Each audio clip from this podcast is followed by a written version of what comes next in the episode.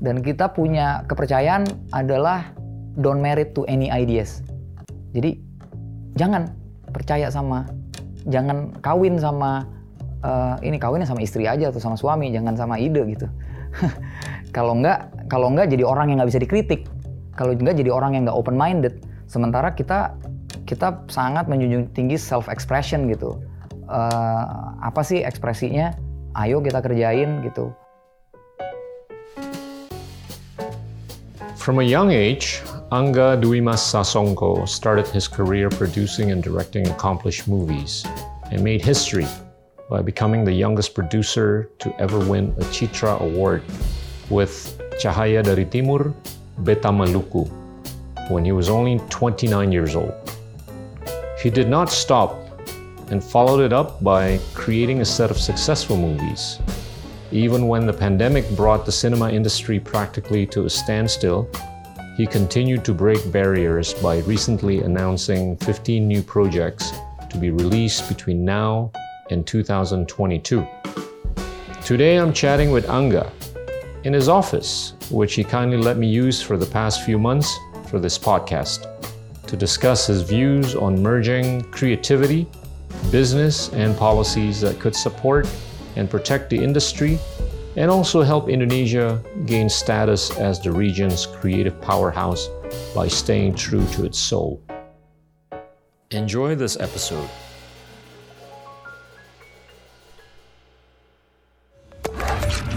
Inilah Endgame.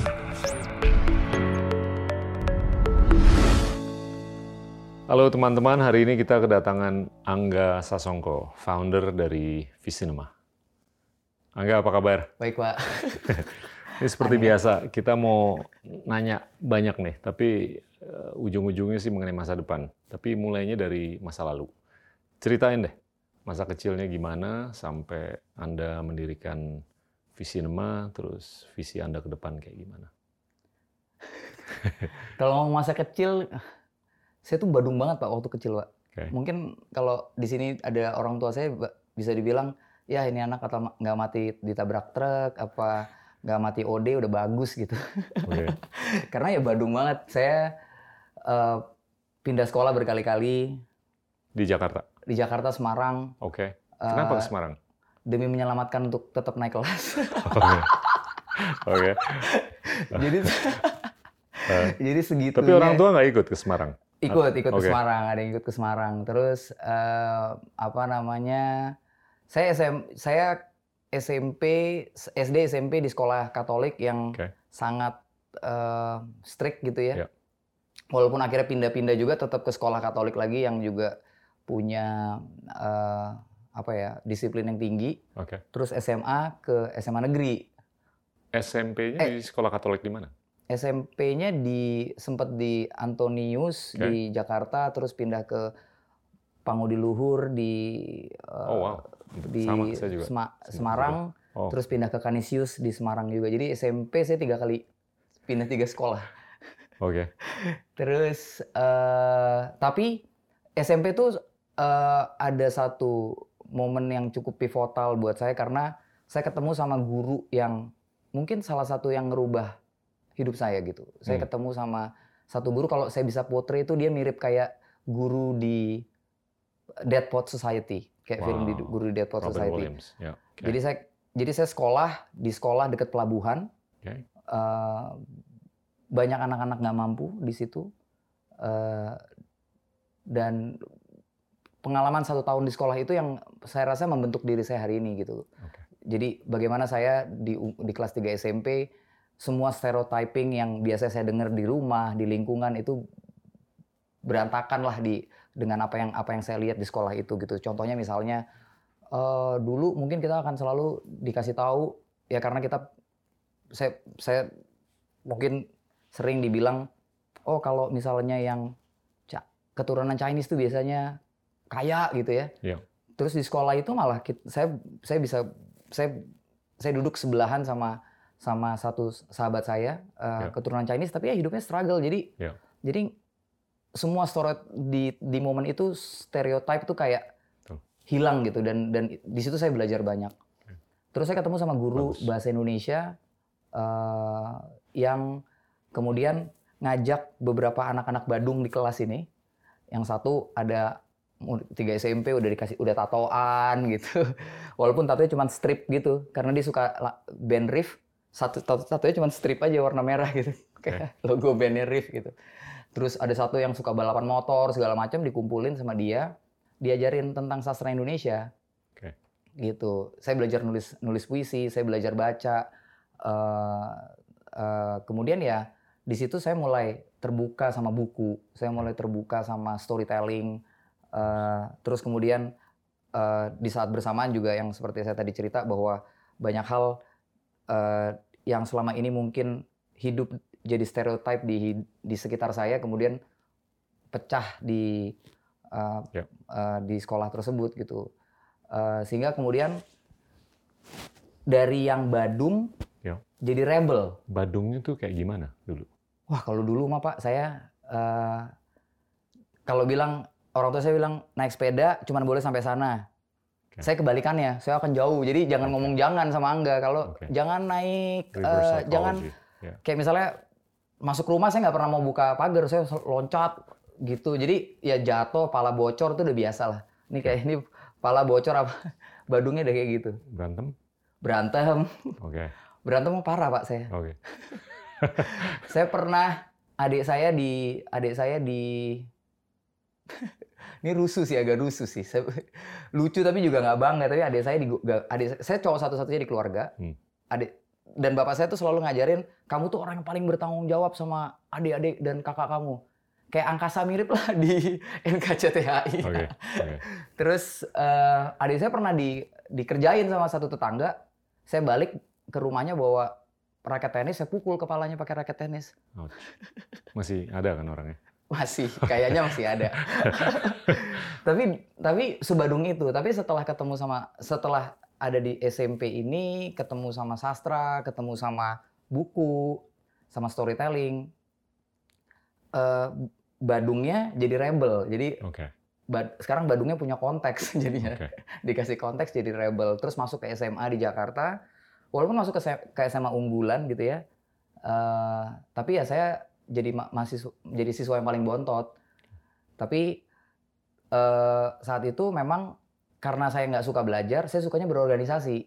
Okay. Saya sukanya malah bikin sesuatu yang nggak dari sekolah.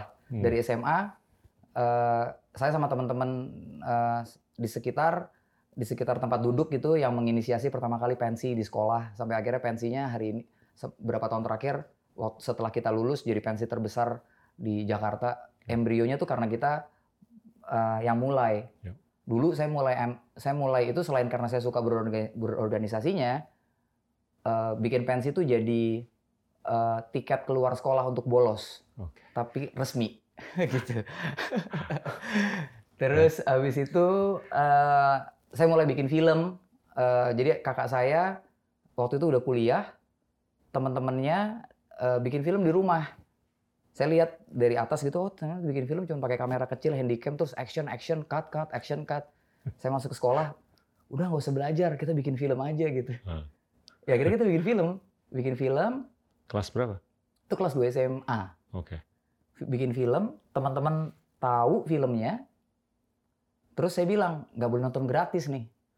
Okay. Terus pulang sekolah, saya bikin itu sendiri bikin kami bikin apa namanya bikin uh, bioskop sendiri di sekolah kita tutup pakai karton terus kita kita pinjem kami pinjem TV dari uh, temen yang yang rumahnya dekat sekolah TV Toshiba gede gitu hmm. kita taruh di kelas terus bangku digeser semua orang duduk di lantai kalau masuk bayar 2.500 jadi sebenarnya saya dagang film sih sebelum bikin Visinema. Jadi dari wow. SMA udah dagang film, yeah. udah jadi entrepreneur, udah, udah jadi bisnis, okay. udah bisnis film dari SMA. Jadi setiap kita punya film pendek, selalu kita jual kayak gitu di sekolah. Kita bikin selama SMA tuh ada tiga film, dan filmnya masuk ke beberapa festival juga, menang.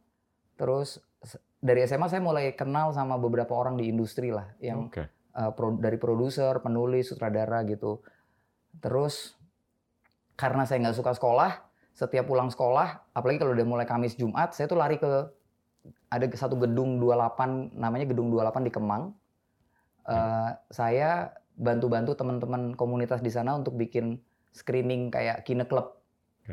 Nah di situlah saya mulai banyak. Hmm. Jadi setiap setiap weekend selalu ada film yang ditonton, yang diputar dan selalu ada diskusi. Ada film, ada Hmm. diskusi. Jadi saya udah terbiasa dengan diskusi, Beda tuh. dengan segala Hmm. macam itu mulai dari kelas kelas 2 SMA. Oke.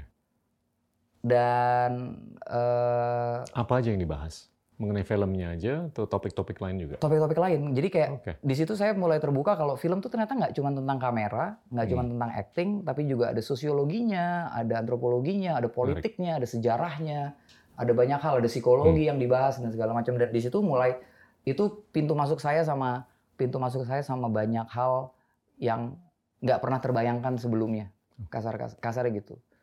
Lalu kemudian masuk kuliah, saya eh, rebel keluar dari rumah, nggak punya duit. Rebelnya tuh lebih terhadap kekuasaan atau konsep? kekuasaan dan konsep sebenarnya. Oke. Eh, saya sama Pak Gita tuh ada miripnya. Ibu saya. Manado, bapak saya Jawa. Oke.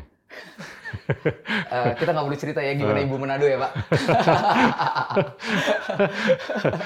dan opa saya jaksa Manado. Oke. Eh, oma saya eh, entrepreneur, Oke. Eh, punya warnet, punya wartel, dan saya kebiasa kerja sama oma saya itu dari SD, disuruh jaga wartel, Iya. disuruh jaga warnet gitu. Eh, jadi ya keras. Ya. Ini sisi timurnya keras gitu. Ya. Eh, apa namanya? Ibu saya keras gitu ya, itunya. Terus eh, bapak saya juga karena saya anak cowok satu-satunya, jadi mungkin juga takut anaknya belok kanan belok kiri gitu ya. Ya. Terus habis itu ya di- dididiknya keras. Jadi eh, saya cukup cukup rebel terhadap Oke. terhadap eh, apa namanya peraturan-peraturan di rumah segala Hmm. macam. Habis itu saya keluar eh akhirnya untuk nyambung hidup ya kerja.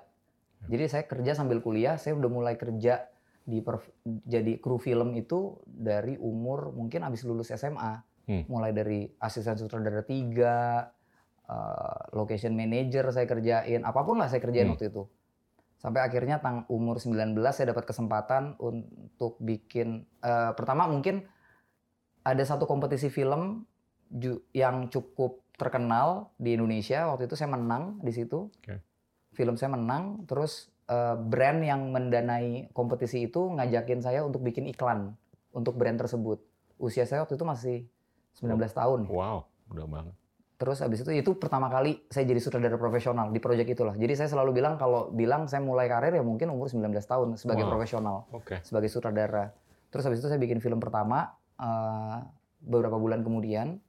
Walaupun film pertamanya nggak masuk bioskop karena waktu itu secara format nggak memungkinkan untuk masuk bioskop. Hmm. Tapi saya jadi produser juga di situ.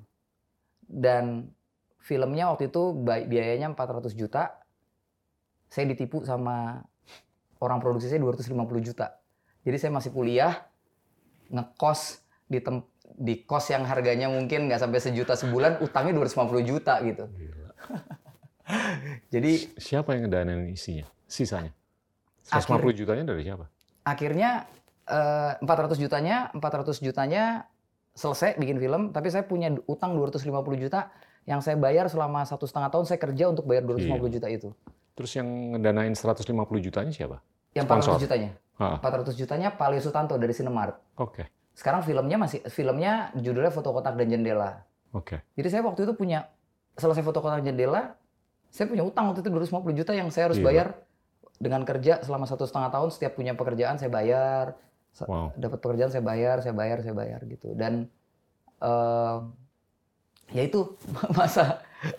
Terus masanya. lulus sekolah? Terus lulus D3, Oke. lulus D3, eh, saya masuk ke Astro dulu waktu itu ada Astro Indonesia, Iya. saya masuk di Astro, langsung dapat posisi yang menyenangkan, gaji besar karena saya pernah bikin film sebelumnya Iya. dan saya punya dan waktu itu orang cukup cukup mulai kenal saya lah karena saya pernah bikin Iya. film-film pen- film-film yang yang yang yang eh, independen gitu. Iya. Saya masuk di Astro, eh, terus kemudian saya lanjut extension eh, S1 di politik tapi waktu habis itu saya keluar dari Astro karena karena saya ngerasa saya waktu itu masih umur 21 tahun, gaji gede, Wow.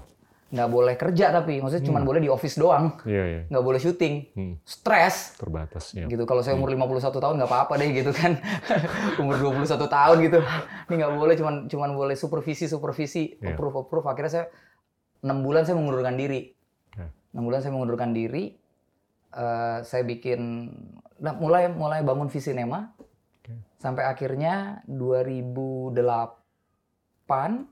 Tunggu, lulus dari UI? Belum, Tahun- sempet oh, belum lulus. Belum lulus, belum oke. lulus dari extension Oke. yang S1 belum lulus. Oke. Terus 2008 saya dapat kontrak dari MNC untuk bikin film pertamanya Visinema waktu itu. Hmm. judulnya Hari untuk Amanda. Jadi mulai banyak pegawai, mulai banyak proyek mulai besar, terus harus milih nih antara kuliah atau ngelanjutin Visinema. Ya. Gitu. Sementara kuliahnya lumayan padat Ya. dan biasanya kalau anak extension tuh anak kelas 2 gitu. Jadi eh, apa namanya eh, dosennya sih kelihatannya keren, tapi yang datang asdosnya gitu. Terus kadang-kadang asdosnya juga suka ngebatalin kelas 15 menit sebelum kelas dimulai gitu kan. Sementara ke UI hari itu nggak gampang pak naik kereta KRL Jakarta yang kalau ke Lenteng Agung selalu ada serangan, lalu padet. Kita bisa kita bisa posisi kayak Michael Jackson yang yang yang miring gini tanpa tanpa perlu jadi Michael Jackson karena ya saking padatnya jadi miring nggak bakalan jatuh gitu. Terus sampai kampus dosennya nggak ada. Cancel. Ya saya mendingan ngerjain Visinema deh kalau kayak gitu kan. Ya udah saya memutuskan untuk mengundurkan diri eh, di semester 4, dua semester lagi sebelum lulus Wow. saya mengundur saya nggak daftar ulang. Saya fokus sama Visinema dan sampai sekarang Sampai sekarang nggak pernah balik lagi nggak pernah untuk balik. dapetin diploma atau Ya saya dapat D3-nya aja deh. oke. Tapi- S1-nya nggak mau, S1-nya nggak nggak perlu ya. ya Cukup cukup banyak dropout yang sukses kan. jadi waktu itu memang pilihannya adalah nih ngerjain hari untuk Amanda atau kuliah gitu. Oke. Sementara saya sebenarnya udah mulai saya udah mulai eh, kecewa sama dunia akademis tuh dari lulus D3. Jadi lulus D3 itu saya lagi saya lagi syuting dokumenter di kalau nggak salah di Kalimantan. Hmm. Saya punya duit untuk bayar wisuda. Tapi harus bayarnya langsung di Balerung di UI. Saya bilang sama teman saya yang panitia, eh tungguin gue ya, gue masih syuting nih. Gue gue udah punya, gue baru dibayar sama klien gue, gue harus, gue harus datang dulu ke Jakarta. Nggak bisa, besok terakhir. Jadi karena saya telat daftar, saya nggak wisuda. Sampai sekarang saya nggak pernah punya foto wisuda, Pak. Masya Allah. Cuman gara-gara telat daftar. Ah, sudahlah. Ngapain lah mikirin akademis. Jadi ya udah saya kerja aja gitu. Ya sekarang akhirnya ya gini. Oh, You've done okay. ya oke lah, Pak. Oke, jadi Visinema tuh officially tahun 2008 ya. 2008. Oke. 22 Walaupun dari umur umur. 19 Anda tuh udah mulai bikin Iya. film. Saya dua- du- 19 mulai film, tiga tahun kemudian saya bikin Visinema. Wow. Oke. Terus big break-nya di Cahaya dari Timur. Cerita deh, konsepnya tuh Anda sama Glenn gimana tuh? Sebenarnya saya tuh hampir nyerah sama Visinema di 2011. Oke. Jadi waktu itu ketika saya mau mengorbankan kuliah demi Hari Untuk Amanda, Ya. ternyata waktu pas mau rilis Hari Untuk Amanda mau rilis 2008 kan financial crisis, Ya. Sehingga perusahaan perusahaan besar ini juga punya masalah keuangan. Akhirnya film itu di hold. Sementara kita waktu itu Visinema waktu itu masih production service, jadi kita nggak punya say apa pun sama filmnya. Eh, kita cuma pokoknya disuruh bikin aja. Hmm. Habis itu filmnya dijual lah, istilahnya eh, lump sum deal gitulah pak. Terus eh, filmnya nggak rilis tuh pak sampai 2010. Padahal di film itu kita put everything. Bahkan kita nggak ambil untung gitu. Eh, habis itu saya pikir karena kalau film ini rilis 2008, maka film ini akan jadi batu loncatan. Hmm. Dilalah filmnya nggak rilis-rilis.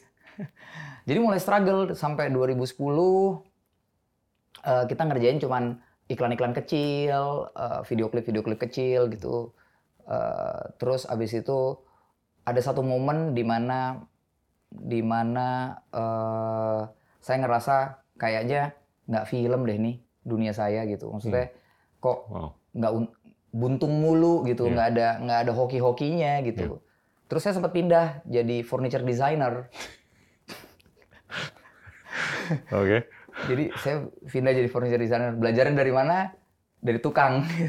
Jadi saya kenalan sama satu tukang, terus tukang itu ngajarin saya tentang desain, tentang join, tentang segala macam. Saya baca buku tentang ergonomik dan segala macam. Kita bikin satu workshop di Kemang sama dua teman yang lain. Sempat juga kirim, sempat juga bangun banyak banyak tempat-tempat prestis juga di Jakarta waktu itu. Jadi waktu itu di jalan tuh uh, furniture workshopnya sama furniture store-nya dan uh, Visinema dalam dalam uh, posisi yang agak dilematis. Ya. Mana yang ini nih? Kayaknya yang furniture lebih banyak nih proyeknya. Ya. Pitching lebih, sekali lebih langsung dapat. Oh. Terus langsung dapat waktu itu Kaskus baru dapat pendanaan yang bikin satu gedung Kaskus itu saya tuh Pak. Anda? Wow. Iya. Uh, okay. Production itu saya gitu yang bikin. Nah, terus abis itu uh, dapat kesempatan bikin video klipnya Glenn. Terus akhirnya ya udah saya syuting lah Glenn Friendly gitu. Yeah. Ya. Uh, siapa yang nggak mau bikin hmm. dan saya belum kenal waktu itu. Ya udah bikin video klipnya Glenn. Uh, kita selesai syuting jam 11 malam tapi kita nggak keluar dari lokasi sampai jam 4 pagi. Ternyata sama saya sama Glenn ngobrolnya nyambung aja. Yeah. Ngobrol sama Glenn nyambung.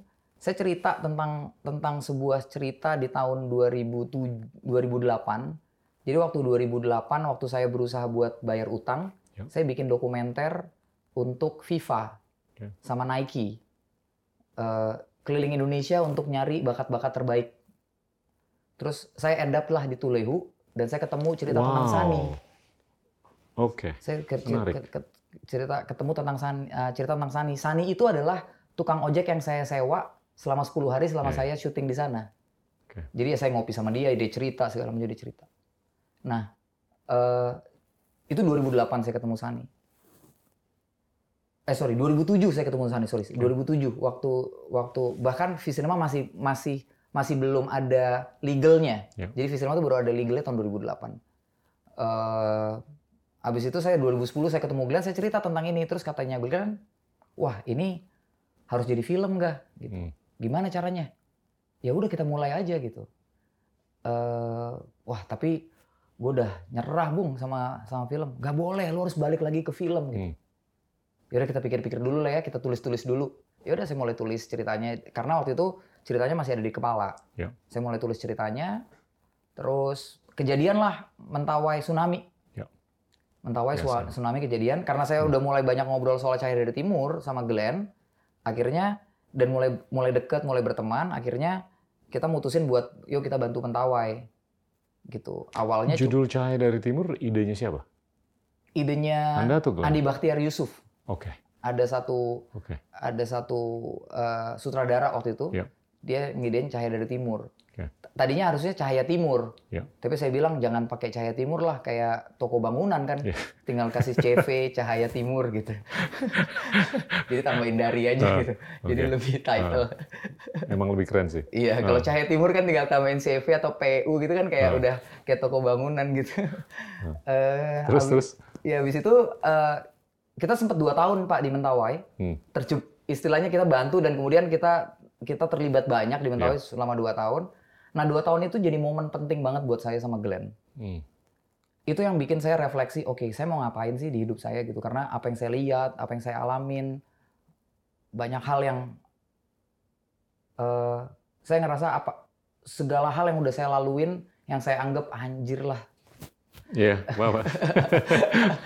uh, capek banget ya, susah banget nih hidup gitu ya. Tapi ternyata pas sampai Mentawai enggak ya, saya tuh masih privilege gitu. Wow. Saya masih saya masih beruntung.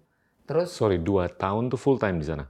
Apa bolak-balik ke Jakarta? Tapi kita okay. punya tim yang full time. Jadi uh, bolak-balik kita punya hmm. kita punya base camp karena kita pemimpin klaster transportasi, Pak. Wow. Jadi saya tuh masuk Mentawai sama Oksi sama sahabat saya waktu itu cuma berdua. Dua hari setelah kejadian, yang kita lihat adalah semua relawan ngumpul di ibu kota kabupaten karena nggak ada satupun alat untuk transportasi yang bisa ngebawa mereka ke titik uh, yang terdampak. Terdampak. Hmm.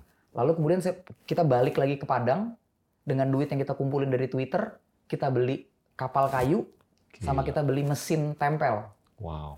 Dan akhirnya kita kita mimpin selama dua tahun klaster transportasi dan klaster kita yang paling dibutuhkan karena kita yang bawa semua mulai dari beras, uh, obat-obatan bahkan mayat Hmm. bahkan mayat, eh, apa namanya orang sakit itu kita yang bawa semua selama dua tahun. Dan kemudian kita kita di akhir-akhir kita bangun sekolah, kita bawa dokter, kita segala macam selama dua tahun. Tapi dua tahun di Mentawai itu ngebuka banget sama pemikiran bahwa lu mau ngapain sih hidup lu gitu. Maksudnya apa sih yang lu mau contribute? Maksudnya legacy itu apa sih? Apakah legacy itu sebuah sebuah piagam yang lo taruh di dinding atau something that you carry on gitu maksudnya uh, yang lo bawa dan dan obrolan sama Glenn akhirnya waktu itu gitu Uh, kayaknya kalau kita mau melakukan sesuatu film dan musik adalah cara terbaik Ya. bukan bikin furniture Betul. akhirnya saya mundur dari perusahaan furniture tersebut fokus bikin Cahaya dari Timur uh, ketemu Pak Ya. puji Tuhan terus ya Amin. Sama-sama. and then the rest is History. history. Tapi coba cerita mengenai gimana sih progresi dari Cahaya dari Timur ke filosofi kopi, surat dari Praha sampai sekarang. Cahaya dari, Evolusinya tuh gimana sih? jadi Cahaya dari Timur itu sesuatu yang hari ini kita kami ya kita lah Bapak juga Iya. pasti ngerasa sesuatu yang kita banggakan gitu ya maksudnya memori terbaik kita sama Glenn Fredly lah Iya. itu juga salah satunya. Eh, What a great man. ya Hmm. dan terakhir saya kalau ngobrol sama Glenn tuh waktu Glenn lagi sakit suka ngomong kalau kita harus ngulang lagi Cahaya dari Timur kita mau ngulang nggak ya gitu. Hmm. kita bilang ya kita Hmm. ngulang akan dengan sangat senang hati mengulang Iya. prosesnya karena prosesnya kan panjang pak prosesnya Iya, empat tahun pak Gita pak Gita menyelamatkan proyek itu ketika proyek itu udah syuting dua hari Ya. terus berhenti karena investor mundur pak Gita masuk terus setelah dua bulan kemudian kita kita kita selesaiin lagi filmnya Eh, tapi memang kalau bicara dari sisi eh, apa ya filmmaking dari Ya. sisi aktivisme dalam Hmm. pembuatan film eh, Cahaya dari Timur adalah sebuah kerja yang luar biasa Ya. tapi dari sisi sustainability dari sisi bisnis pada akhirnya kita harus berpikir itu kan karena perusahaan punya op- operasional perusahaan harus gaji harus dikasih THR harus kasih bonus Ya. karyawan yang kerja harus dipastikan sejahtera gitu dari sisi bisnis kayaknya kalau harus tiap ngulang satu film empat tahun Nggak bisa. tua dulu sebelum kaya kan Iya. kasarnya gitu Betul. Betul. jadi eh, Ini yang saya mau gali justru. jadi approach-nya harus berbeda Iya. maksudnya apa stance-nya tetap harus sama Iya. Kita harus tetap punya standpoint tetap harus punya harus punya story yang kita percaya banget dan kita rasa penting untuk diutarakan tapi approach ngebuatnya kayaknya perlu berbeda Iya. lalu kemudian karena saat itu Anggia juga sudah masuk di Visinema udah udah tahun ke tahun ketiga Anggia di Visinema Eh, ya kita kita diskusi tentang apa yang harus kita buat setelah Cahaya dari Timur terutama setelah menang Piala Citra. Jadi waktu menang Piala Citra saya sama Anggia 2014 ya. 2014 film terbaik saya sama Anggia naruh itu piala di depan di meja di kamar hotel di Palembang persis setelah kita menang. Terus kita nanya ke diri kita sendiri kita berdiskusi berdua kita bilang oh waktu itu udah nikah ya pak ya jadi Iya. jadi walaupun sekamar jadi udah nikah Eh, jadi waktu itu kita bilang kita mau ngapain lagi ya setelah ini ya maksudnya are we going to chase second award atau yang lain gitu Hmm. eh, ya kita mutusin untuk yang lain gitu. Kita kita cari yang lain. Apa yang belum dikerjain? Oke, kita udah ngerjain dari Timur, kita udah punya Piala Citra. Apa yang belum dikerjain? Terus eh, saya tuh lumayan lumayan cukup apa ya? literate sama Disney sebenarnya, sama playbooknya Disney Oke. tentang IP development, Mhm. bagaimana satu cerita bisa jadi banyak pipa gitu. Ya. Terus kita pilih waktu itu cahaya eh, filosofi kopi dari short story-nya Mbak Dewi. Eh, terus tentunya saya dari awal tuh selalu punya kesadaran bahwa saya tuh goblok pak. Saya tuh nggak pinter gitu. Jadi saya- Don't be modest. tapi saya selalu pengen ada orang yang lebih pintar yang kerja sama saya. Ya. Akhirnya waktu itu saya ngajak Mas Handoko Hendroyono. Oke. Mas Handoko Hendroyono tuh salah satu apa namanya mungkin bisa dia bilang bisa dibilang salah satu branding expert yang terbaik lah yang ada di Indonesia gitu. Dia yang bikin uh, apa pun makanannya, minumnya, tit gitu itu tuh dia tuh yang bikin tuh. Oke. Sorry kan dia nggak built-in kan si, Yep. si brand ini nggak built-in jadi jangan disebut. Tapi kira-kira kira-kira kira-kira dia tuh yang bikin. Jadi dia punya banyak pengalaman dan dia senior gitu. Jadi saya ajak, kita ajak dia gabung. Saya, Glenn, Anggia, Mas Handoko waktu itu masih berempat. Kita kita kita bikin lah konsepnya. Eh, mulai kita bikin gimana caranya pertanyaannya gimana caranya kita bisa engage eh, ke lebih banyak orang sebelum film bahkan sebelum filmnya dibuat kita punya insight bahwa kebanyakan penon kebanyakan pembaca selalu punya masalah sama imajinasi pembuat filmnya setelah filmnya jadi. Ya. dan waktu itu 2014 menuju 2015 kami bikin aplikasi. Namanya filosofi kopi di mana orang bisa ikut membangun konsep dari filmnya. Jadi kayak gamification gitu. Eh, sehingga filosofi kopi bisa dibilang the first user generated movie Ya. karena kalau pak kita lihat hari ini Ben sama Jody bentuknya kayak gitu itu karena kita ambil karena kita ambil dari gamification dari aplikasi tersebut Hmm. kalau desainnya filosofi kopi kedainya kayak di Melawai hari ini karena diambil dari gamification tersebut Oke. Jody pakai mobil apa, Ben pakai motor apa, semua estetik universe yang ada di film filosofi kopi berangkat dari aplikasi tersebut yang disusun oleh Yes, 30.000 ribu orang waktu itu Interaktif. interaktif. Hmm. Jadi kita udah punya udah punya kayak evangelisnya lah waktu itu Bagus. saat itu karena kita bilang eh you are the produ- digital producer for this movie gitu. Iya. Eh, lalu kemudian eh, karena desain kedainya set filmnya harus spesifik maka kita nggak bisa sewa kedai yang ada. Oke. Jadi kebetulan arsitek ada teman arsitek yang punya properti di Melawai. Dan itu bener-bener ini blessing banget karena bener-bener sesuai sama apa yang gambarin. Saya gambarin. Karena saya pengen kedainya tuh kayak kayak kedai-kedai di New York gitu. Jadi dari Ya. pavement langsung kedai. Nggak ada lapangan parkir gitu. Ya. ya udah akhirnya kita ambil. Tapi orangnya si teman arsitek ini maunya disewa 2 tahun. Ya kebetulan kita bilang ya udah kita kita gap kita sewa kita sewa dua tahun kita bangun dan akan kita operate sebagai kedai yang fase pertamanya sebagai materi promosi Hmm. fase berikutnya sebagai bisnis beneran Nah, mulailah kita eh, manjangin konten IP, eh, manjangin IP-nya IP-nya. Ben sama Jody, Chico sama Rio gabung. Chico sama Rio punya banyak ide juga. Akhirnya kita bikin kita bikin aparel, kita bikin sampai hari ini kita lima tahun udah udah jalan lima tahun filosofi kopi masih hidup IP-nya. Kita udah bikin film dua kali. Ini film ketiga akan rilis tahun Iya. ini Eh, dan kita reboot, kita change, kita shift eh, eh, genrenya. Ya. Terus abis itu kita punya yoi jadi jadi action, tapi juga di satu sisi kita punya branded content eh, di apa namanya lima branded content yang kerjasama sama banyak brand. Kita juga punya eh, long form format untuk series yang ada di GoPlay hari Wah, ini. keren. Terus kita lisensi jadi sepeda Ya. yang udah ribuan sepeda dijual. Kita lisensi ke produk eh, masker, produk maskernya laku ratusan ribu.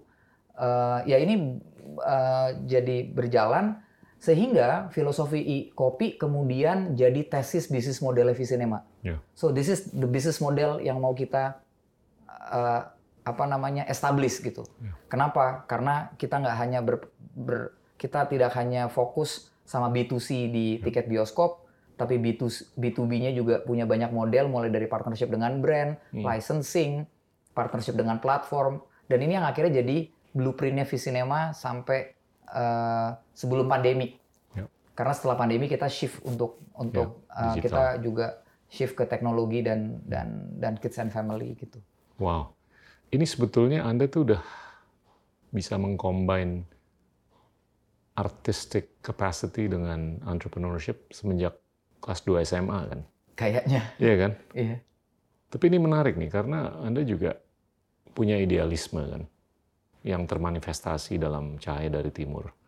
Tapi evolusinya ini menarik sekali karena Anda terus bisa mengcombine. Dan dan ini lebih menjanjikan dalam arti kata ini sustainability dari value propositionnya Visinema. Betul. Ini lebih terjamin. Karena Nah, saya yang saya mau tanya, apakah itu semakin kaya karena Anda tuh semakin belajar dari konsep-konsep yang diaplikasikan di Disney atau di mana gitu? Apa kalau nggak belajar mengenai Disney, bekal dari apa yang udah dialami di kelas 2 SMA aja udah cukup untuk bisa menjelma seperti sekarang? Mungkin saya beruntung saya punya nenek yang ngajarin saya dari kecil ya Pak. Iya. Jadi dia tuh ngajarin saya jaga warnetnya tuh nggak sekedar jaga warnet gitu. Oke. Mulai dari service customer, Iya. tanya customer mau apa, up sales. Iya. Jadi saya kelas 6 SD tuh diajarin up sales, Pak. Jadi kalau warnet nih, orang duduk berapa jam, Angga? Satu jam, Oma. Kamu nggak kasih minum? Kan nggak ada minum. Ya bikin aja, tawarin aja minum. Oke. Gitu. Itu kan simple Oke. banget kan, Pak. Oke. Terus saya nggak, males banget saya bikin minum. Vertikal baru. Iya, vertikal baru. Males Hmm. banget saya bikin minum. Saya ngobrol sama sama warung rokok di depan di di seberang gang. Iya. Lo masukin teh botol, gue dapet Profit sharing. 200 perak gitu. itu udah kejadian Oke, dari oke. dari kecil aja maksudnya hal-hal kecil kayak gitu tuh udah ya oma saya lumayan maksudnya salah satu orang yang sangat sangat mengajarkan saya untuk untuk bisa manage duit. Jadi eh, waktu saya masih di Jakarta kelas 1 SMP eh, ya harus ngitung kalau shift Iya, iya. shift karena saya pulang dari jadi rumah saya tuh jauh Pak dulu di Bekasi. Ya. harus pakai paspor katanya kalau orang sekarang kan. Apalagi sekarang yang udah ada tol bagus aja masih dibilang gitu dulu apalagi kan. Dan saya waktu itu kalau ke sekolah selalu naik naik angkot. Eh, oma saya di Jakarta Timur. Jadi kadang-kadang kalau saya males naik angkot karena macet panas gitu saya nungguin ibu saya selesai kerja saya nongkrong di rumahnya dia. Karena rumahnya dia cuman beda beda beda satu lampu merah dari sekolah karena sering no, sering main di rumahnya dia ya disuruh kerja nih daripada daripada berisik gitu kali ya cucunya nih udah taruh aja di di di warnet sama wartel gitu ya dari situ upsales ngelihat Ya, ya. bisnis model ngelihat peluang gitu Wow. diajarin sama oma sih Eh, mungkin dari kecil ya Eh, jadi eh, bahwa saya kemudian cukup familiar dengan playbooknya Disney Iya. eh, itu sangat membantu ketika Itu Bis- lebih meng-reaffirm aja. kan? Iya, mereaffirm aja dan Iya kan? dan kemudian Bukan jadi bayangan tentang iya. apa yang kita kita kerjakan uh, sekarang. Iya, dasarnya kuat Anda. Dan dan oke deh, mungkin cerita sedikit mengenai vertikalisasi yang sudah dilakukan di Visinema. Apa aja sekarang?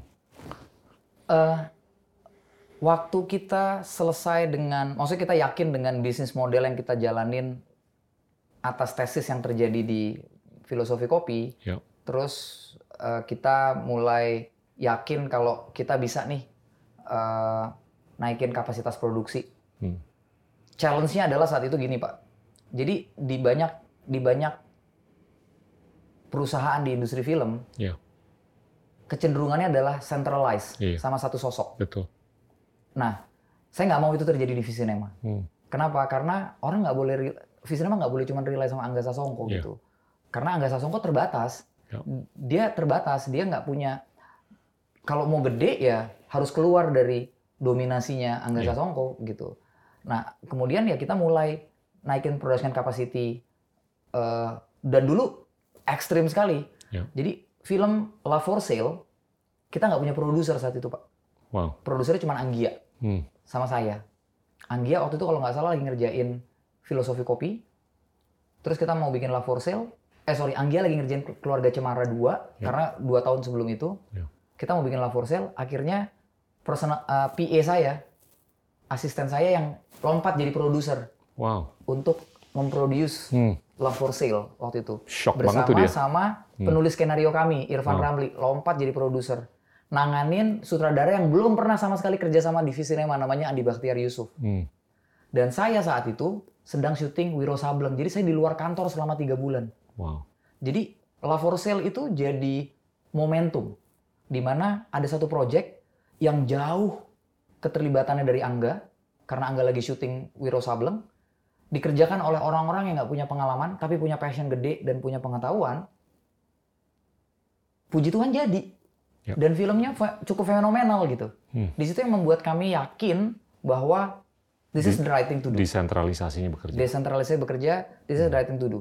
Sehingga ada tiga hal yang kemudian uh, jadi mantra saat itu. Berani kasih kepercayaan sama orang, Ya. punya waktu untuk nurture, sama komit untuk terima risiko ketika kita melakukan dua itu. Kadang-kadang kan orang mau ngelakuin dua itu tapi nggak mau terima risikonya, jadi terima risikonya. Iya. Eh, ya udah, abis itu kita replicate, kita mulai rekrut, eh, mulai berkembang, GDP masuk di seed round Ya. Eh, dari dua film setahun jadi enam film setahun di 2019. Lalu kemudian kita cepet juga langsung merasa bahwa oke kita udah bisa nih 6 6 film setahun yang harusnya ada yang harusnya kejadian di tahun 2021. Jadi kita lebih cepat dua tahun dari apa yang kita bayangkan. Mhm. Eh, projectnya di paling tidak termanage dengan baik, termanage dengan baik. Semua orang bisa bisa bisa bisa percaya bahwa Visinema adalah platform, bukan cuman rumahnya Angga Sasongko dan Anggia Karisma. Terus abis itu kita langsung bilang bahwa kita nggak boleh berhenti di live action. Kalau kita mau balik lagi ke belakang, kita bicara tentang playbooknya Disney, IP itu akan sangat lebih cepat Ya. dengan dan lebih sustain dengan animasi. Ya. Karena kita nggak kita nggak peduli itu karakter tua, Hmm. nikah, punya anak, Ya. terus nggak nggak nggak ada gitu. Sekarang Ciko kalau lihat itu, itu sekarang udah kayak jadi bapak-bapak ID kan Pak. Jadi ya nggak bisa kayak kayak 2015 lagi gitu. Iya. mau nggak mau. Jadi ceritanya akan akan akan tumbuh seiring dengan kebapak-bapakannya Ciko dan Rio gitu kan kalau Iya. ngomongin filosofi Hmm. kopi. Tapi kalau misalnya Nusa, Jumbo, ya udah sampai sampai saya punya cucu juga itu akan Mikey Mouse akan gitu-gitu aja gitu Iya, kan. benar. Jadi akan jauh lebih sustain sehingga akhirnya kita bikin tesis untuk masuk ke Lebih animasi. lebih eternal. Iya, Hmm, lebih eternal hmm, gitu hmm. kan. Jadi kita bikin tesis untuk masuk ke animasi. Puji Tuhan juga eh, si ada ada eh, investor yang prominent Intudo Venture Hmm. eh, juga punya banyak eh, support dari Silicon Valley juga masuk. Terus sekarang terus 2019 kita start dengan uh, Visinema Animation. Ya. Uh, bikin Nusa bareng sama Little Giants. Terus kemudian pandemi. Ya. Bioskop tutup. Tapi waktu pas pa- waktu pas itu kejadian di Maret, saya udah bilang sama teman-teman dari bulan Februari bahwa kita akan kejadian nih kayak di Italia karena gitu kita udah lihat Italia kan. Kita akan kejadiannya kayak Italia. Jadi kita harus siap.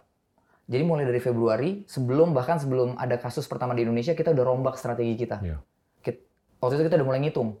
What if kalau ini kejadian dua bulan lagi, lalu satu tahun kita nggak punya revenue, karena semuanya tutup, kita punya sisa duit berapa nih? Iya. Sampai akhir ta- sampai di akhir tahun. Kenapa? Karena kita mau mastiin selama pandemi satu tahun, waktu itu kita berpikirnya cuma satu tahun. Satu Iya. tahun, kita nggak mencat orang, kita tetap setia sama semua teman-teman talent-talent yang ada di Visinema, masih dapat masih dapat apa yang seharusnya mereka mereka dapat. Tapi kita lihat kita punya berapa nih di ujung. Hmm. Oh masih punya sisa gitu. Habis itu sisa itulah yang kita pakai buat bikin banyak inisiatif Oh. selama pandemi Eh, dan eh, yang kita yang kami apa namanya pikirkan adalah waktu itu oke punya 360 content creation capacity nggak cukup. Ya. Kita harus punya end to end supply. Kita harus punya distribution channel. Kita harus punya kita harus tahu gimana caranya kita bisa B2C langsung tanpa Hmm. harus ada perantara gitu. Ya. Makanya kita bikin bioskop online, uh, transaction base, karena kita percaya kita kita percaya market kita tuh sebenarnya sasyat ekonomi gitu. Hmm. Uh, terus kedua kita juga nggak mungkin compete bakar duit karena Ya. saya bukan makes sense. saya bukan uh, istilahnya CEO yang percaya sama bakar duit. Yeah. Visinema sampai hari ini bapak tahu Yeah. Puji Tuhan masih selalu profitable Iya. dengan kondisi apa pun. Eh, jadi kita bikinnya transaction Ya. base. Lalu fokus on local market. Kenapa? Karena kita percaya banget orang Indonesia tuh doyannya local market. Iya. Eh, eh, fokus on local Local content. content. Karena orang Indonesia tuh sukanya sama local content gitu. Nggak ribet baca subtitle. Eh, ya udah dan relate. Hmm. Eh, kita memang ada di masa penontonnya masih nyari yang relate dengan ceritanya mereka gitu dan relate gitu. Jadi kita bikin bioskop online.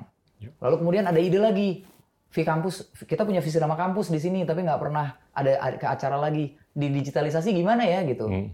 Terus kita mikir, iya kita kalau misalnya kita ngundang pembicara tuh kan keren-keren, Hmm. karena selama selama 12 tahun Visinema berdiri kita kita mau kita engage sama banyak Betul. prominent people di Hmm.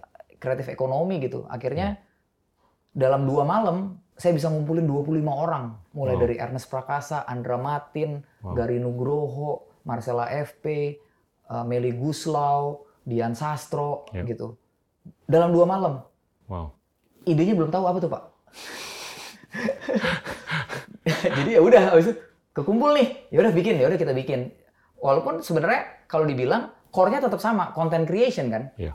Eh, walaupun mungkin sekarang eh, pipanya adalah edutech gitu Iya. ya. Yang di sini pipanya adalah OTT, yang di sini pipanya adalah animasi, di sebelah sana pipanya adalah eh, eh, branded content, di sebelah sana lagi pipanya mungkin eh, teatrikal. Iya. Kita juga lagi bikin musikal gitu. Tapi semuanya semuanya berangkatnya sebenarnya akarnya tetap sama, akarnya eh, konten gitu. Saya mau saya mau push sedikit deh. Ini kan vertikalisasinya udah jelas untuk memperpanjang IP creation kan.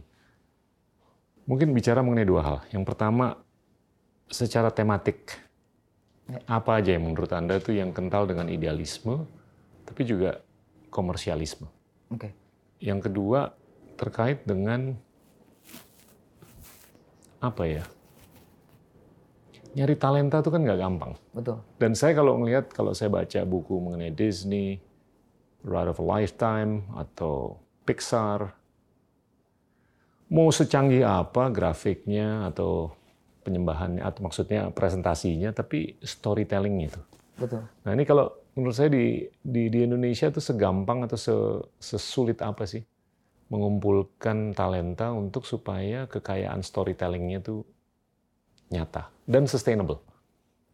Mungkin kalau dari yang pertama tadi, Iya. Visinema tuh punya istilahnya secara unconscious gitu kalau kita mau poin tentang DNA kita gitu ya. Walaupun kita di sini nggak pakai tuh eh, eh, kata-kata mutiara di kantor gitu atau Iya, berapa iya. poin gitu enggak. Bias. Tapi Ya. tapi kita kira-kira nomor satu tuh stand for public interest pak. Iya. Jadi itu yang selalu kita kita kami di sini embrace. Hmm. Kenapa kami kami sadar bahwa yang beli produk kami itu publik. Gitu. Eh, kita nggak mau take it for granted sama positioning itu. Ya. Dan kita privilege banget dengan kita bisa taruh karya kita di layar sebesar 12 meter gitu. Ya. Atau kita privilege banget bisa ada di platform yang bisa diakses lewat mobile phone misalnya. Lalu kemudian pertanyaannya apa yang mau kita kasih Ya. gitu. Apakah for the sake of money? Kalau misalnya for the sake of money, emang siapa sih yang tahu formula bikin film selalu laku? Hmm. Kalau tahu bikin formula film selalu laku, maka saya akan bikin film tiap hari. Nggak akan ada waktu ngobrol sama Pak Gita sekarang pasti Iya. lagi bikin film karena tahu setiap film pasti laku kan, Iya. tapi kan nggak punya. Betul. Tapi kita tahu cara bikin film yang baik. Kita tahu cara cerita atau memilih cerita yang penting. Itu bisa kita itu bisa kita kontrol. Apalagi yang bisa kita kontrol? Kita tahu kalau kita bikin sesuatu, bikin filosofi kopi atau bikin surat dari Praha atau Hmm. bikin keluarga Cemara, kita tahu apa pun hasilnya, kita bisa proud Iya. sama apa yang kita kerjakan gitu. Hmm. Jadi ya udah kontrol yang kita tahu gitu dan own yang kita tahu gitu. Hmm. Own proudnya, Ya. own narasinya, Hmm. own storynya. Eh, dan kita selalu punya punya cara adalah 1% idea, 99% execution. Ya. Jadi udah nggak usah kebanyakan mikir deh. Udah 1% inspiration, 99% perspiration. Bener. Jadi kan kalau misalnya ide mulu tapi nggak eksekusi-eksekusi pada akhirnya kapasitas, kapabilitas eksekusi itu jauh lebih penting dibanding Iya. idenya. Pada akhirnya juga selama 99% proses eksekusi ide terus-terus terus di, di di apa namanya? terus di challenge. Iya. Dan kita punya kepercayaan adalah don't married to any ideas. Betul. Jadi jangan percaya sama, jangan kawin sama eh, ini kawinnya sama istri aja atau sama suami, jangan Iya, sama ide gitu. Iya. kalau enggak, kalau enggak jadi orang yang nggak bisa dikritik. Betul. Kalau enggak jadi orang yang nggak open minded. Hmm. Sementara kita kita sangat menjunjung tinggi self expression gitu. Iya.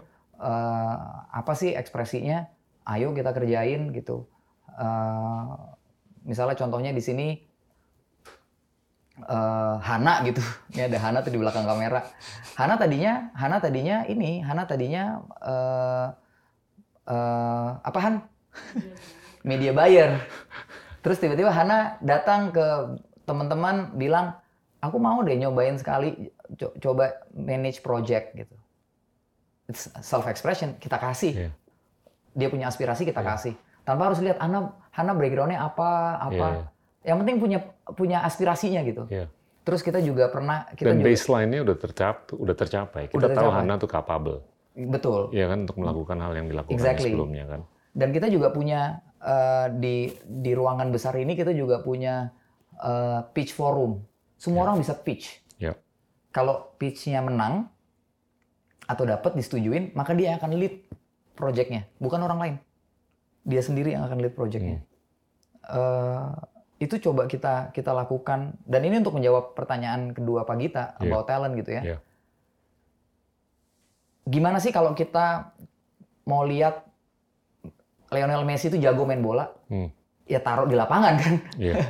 kasih dia kasih dia lawan gitu. Yeah. Kalau nggak kasih dia lawan kita nggak akan pernah tahu. Hmm. Jadi kita punya istilahnya perusahaan Visinema tuh harus ngasih courage sama komitmen. Yeah. Jadi kita yang kita yang harus encourage talent untuk berkembang. Karena dia mungkin dia takut atau misalnya uh, belum tahu apa yang harus dilakukan, tapi sebenarnya dia punya talent. Jadi kita harus punya sistem untuk bisa encourage mereka. Makanya nurture itu penting. Yeah. Tapi setelah no courage, jadi kita bilangnya 4C. 4C gitu Pak. Setelah courage, ada komitmen. Kalau kita udah encourage, tapi kita nggak mau komit untuk ngasih dia ngasih dia uh, pekerjaan atau hmm. project atau sesuatu yang bisa dia percaya, namanya PHP kan, pemberi harapan palsu perusahaannya gitu. Tapi juga kita nuntut 2C di teman-teman talent, curiosity, okay. gitu. Uh, makanya kita sangat grateful ada endgame di di, di atapnya di bawah atapnya Visinema karena ini adalah ini adalah tujuan dari kenapa bangunan ini ada gitu Pak supaya yeah ada ide yang terus masuk yeah. keluar dan di dan didiskusikan waktu sebelum pandemi juga V kampus juga V Cinema kampus juga sering ngundang yeah. ngundang banyak pembicara yang jauh sekali sebenarnya dari yeah. dari perfilman uh, jadi curiosity itu harus ada di setiap yeah. talent gitu kalau kalau lu mau jadi sutradara, lu jangan bicara, jangan belajar tentang kamera doang, jangan yeah. bicara tentang acting, bicara tentang hal-hal lain. Itu kita kita hmm. kita encourage Yeah. Tapi juga perlu curiosity di talentnya hmm. sama konsistensi bahwa dia harus konsisten. Kita udah kita udah komit nih sama lo Betul. untuk lo mau untuk lo mau kerjain sesuatu dan jadi jadi jadi kreator yang merdeka gitu. Hmm. Tapi lo harus konsisten dong, jangan jangan nggak konsisten. Itu yang kita yang kita salah satu konsistensinya tentu bisa diterjemahkan sebagai loyalitas gitu ya maksudnya loyalitas terhadap perusahaan yeah. terhadap Visinema. Jadi sering kali saya bilang sama teman-teman, guys, you're not working for Angga Sasongko, lo nggak lagi kerja buat Angga Sasongko, lo lagi hmm. kerja buat Visinema gitu. Yeah. Dan Visinema itu platform kita sama-sama, tempat kita cari duit, tempat kita berkembang, tetap tempat kita bisa aktualisasi diri, and and uh, eventually nantinya gitu, mudah-mudahan kita bisa bangga jadi diri yeah. kita dan Visinema gitu sih. Terus yang terakhirnya C-nya apa? Curiosity, Curiosity sama commitment, courage, sama. Kan kalau per, di perusahaannya ada courage, ada ada komitmen, di talentnya ada curiosity, sama konsistensi. Consistency, oke. Okay. Tapi ini kan it's a game of scale. Ya. Yeah. Manageable nggak untuk nyari talent? Sekarang kan targetnya 7 film. 7 film. Bisa aja ke 50 film. Someday. Someday, ya. Iya kan? Yeah. Ya gimana kita ekstrapolasinya ya tergantung market sizing dan pulsa yang dicek lah di lapangan kayak gimana. Is Betul. it manageable untuk scale up? Saya bisa bilang Disney playbook. Okay. Jadi in order to you know raise everything internal, yeah. maka kemudian dia akan jadi satu culture. Sementara kalau kita mau bicara tentang produksi 20 konten setahun, yeah. dia nggak boleh berangkat dari satu culture. Okay. Dia harus berangkat dari berbagai culture yang kemudian di umbrella, dipayungi oleh sebuah entitas gitu. Mungkin hmm. Visinema bisa jadi umbrellanya, tapi ini juga kita lakukan sekarang. Kita mulai lihat studio-studio yang independen, hmm. yang yang konsisten, yeah.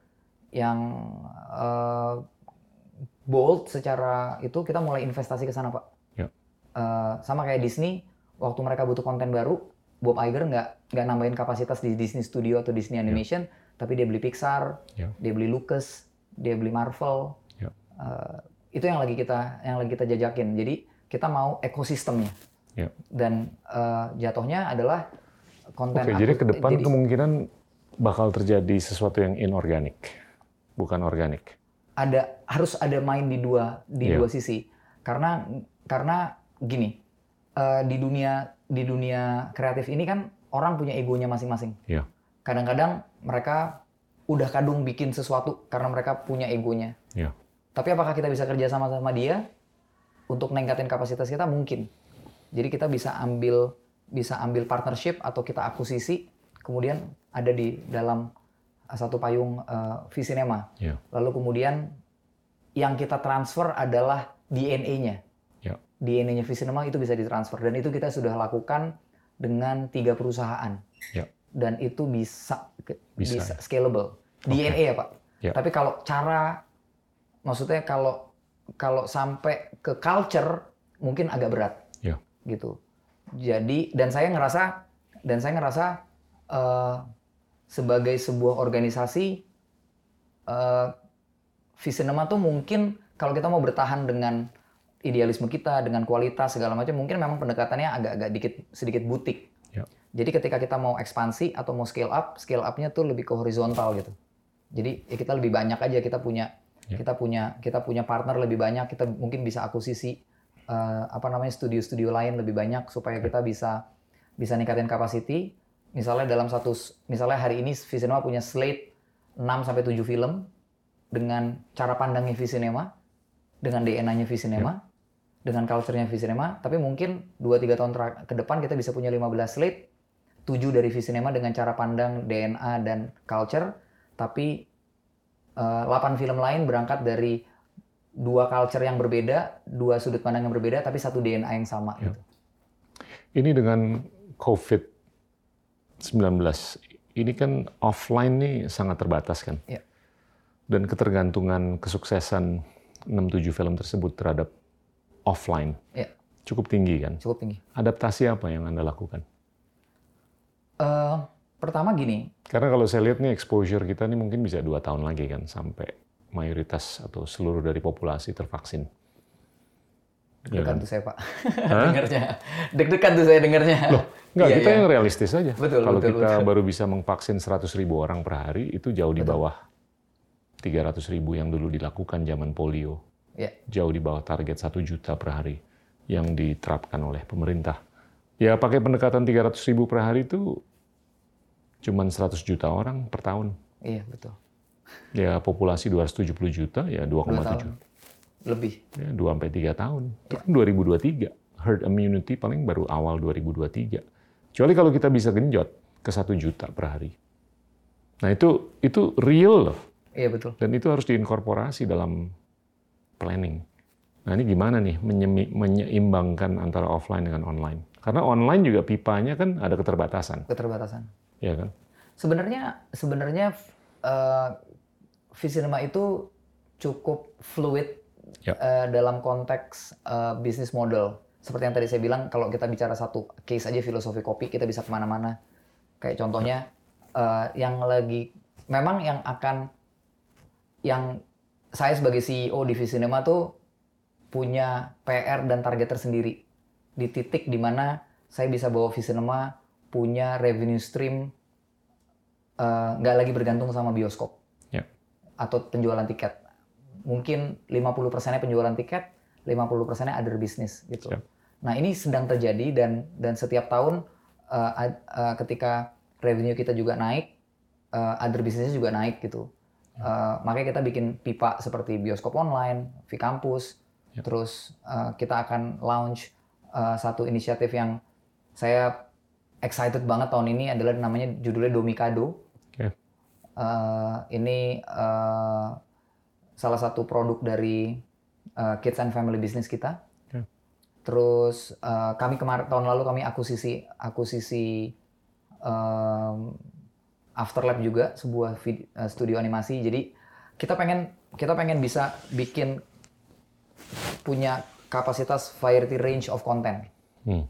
Lalu kemudian dengan kita punya variety range of content, kita bisa memanfaatkan seluruh pipa yang ada. Ya. Iya pipa digital terbatas memang, tapi kalau misalnya contohnya kita bisa engage sama setidaknya lima platform dalam satu tahun atau enam platform dalam satu tahun, saya rasa kita bisa survive. Maksudnya dengan various methods ya Pak. Maksudnya ada yang transaction, ada yang subscribe, ada yang ad advertorial, ad advertising base. Ya.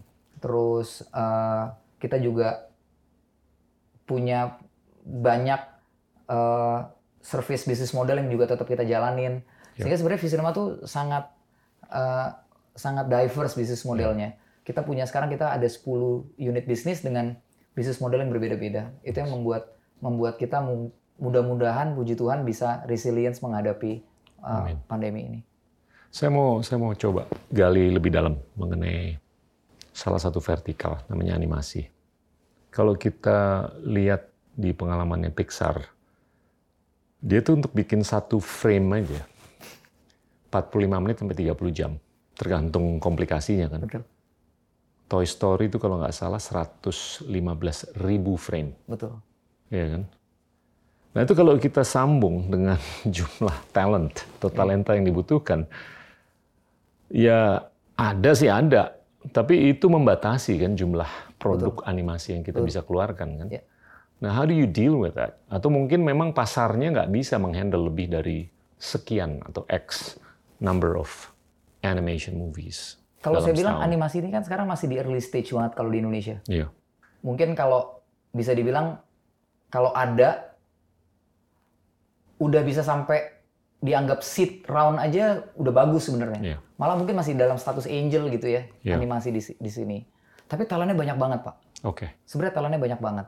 Cuman karena karena industrinya belum kelihatan dan saya bilang stage-nya masih mungkin angel gitu ya. Jadi Iya. belum banyak orang yang berani. Sehingga ini masih kepencar-pencar. Eh, itu dia makanya saya cukup bold tentang animasi Siap. dengan bikin dua sekaligus. Jadi Visinema Animation sama Afterlab. Kita akuisisi Afterlab. Eh, kenapa kita saya melakukan itu karena ya terima kasih sama Pixar udah ada Pixar yang ngajarin kita Iya, gitu kan. iya. Eh, Pixar ngerjain satu film mungkin dua tahun, sehingga kalau misalnya dia mau punya sat- kapasitas satu film setahun, harus ada tiga pipeline jalan bersamaan di, sa- di Ya. saat yang sama, gitu. Tapi kalau Visinema Animation sendiri suruh bangun tiga pipeline bersamaan jalan di waktu bersamaan, dia akan mati sebelum berkembang karena berat sekali. Jadi ya seperti tadi saya bilang playbooknya Disney kita akuisisi. Di animasi kita udah lakukan, di live action mudah-mudahan kita bisa lakukan segera. Di animasi kita akuisisi Afterlab dan saya pilih Afterlab karena Afterlab punya culture yang berbeda. Ya. Bagus. Kenapa? Karena Visinema Animation ini di lead sama Rian Adriandi.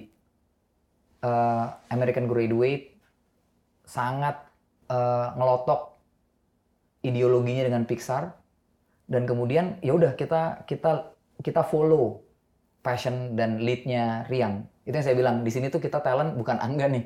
A- ada. Jadi kita follow. Jadi Visinema Animation tuh di lead sama sama Rian sama Anggia hari ini. Eh, kurang lebih mungkin positioningnya kayak kayak Pixar. Mulai dari bentuk animasinya, karakter development. Maksudnya bukan ngopi Pixar, tapi kira-kira kita Ya. bisa bilang kayak American style. Ya. Eh, terus abis itu eh, storytelling, eh, juga target market. Ya. Jadi target marketnya all ages untuk Visinema Animation. Sementara di Afterlab kita bikinnya berbeda. Kita bikinnya lebih ke Asian approach. Oke. Jadi robot, sci-fi, eh, fighting, action, Ya. sehingga marketnya untuk 8 plus. Tonalnya juga beda, tonal tonal visualnya juga beda, Hmm. gitu. Tapi dengan kita punya ekosistem, kita punya kapasitas untuk bikin satu think tank team yang develop semua teknologinya di sini. Yang kemudian teknologi di- didistribusi. Nah, kem- apa namanya think tank team inilah yang akan jadi uh, the heart of our animation uh, uh, studio. Karena ketika dia bisa bangun plat, bisa bangun pipeline, teknologi pipeline, sebenarnya scalability-nya jadi lebih memungkinkan. Itu yang sebenarnya dilakukan Pixar bertahun-tahun adalah bikin teknologi pipeline. Gimana pipeline lebih mudah, lebih cepat gitu-gitu. Dan kita udah design kita mau pakai satu mau pakai satu open source open source eh, apa namanya uh, software sehingga kita nggak pakai satu software yang mungkin terkenal tapi genit gitu ya demi Iya. kelihatan keren.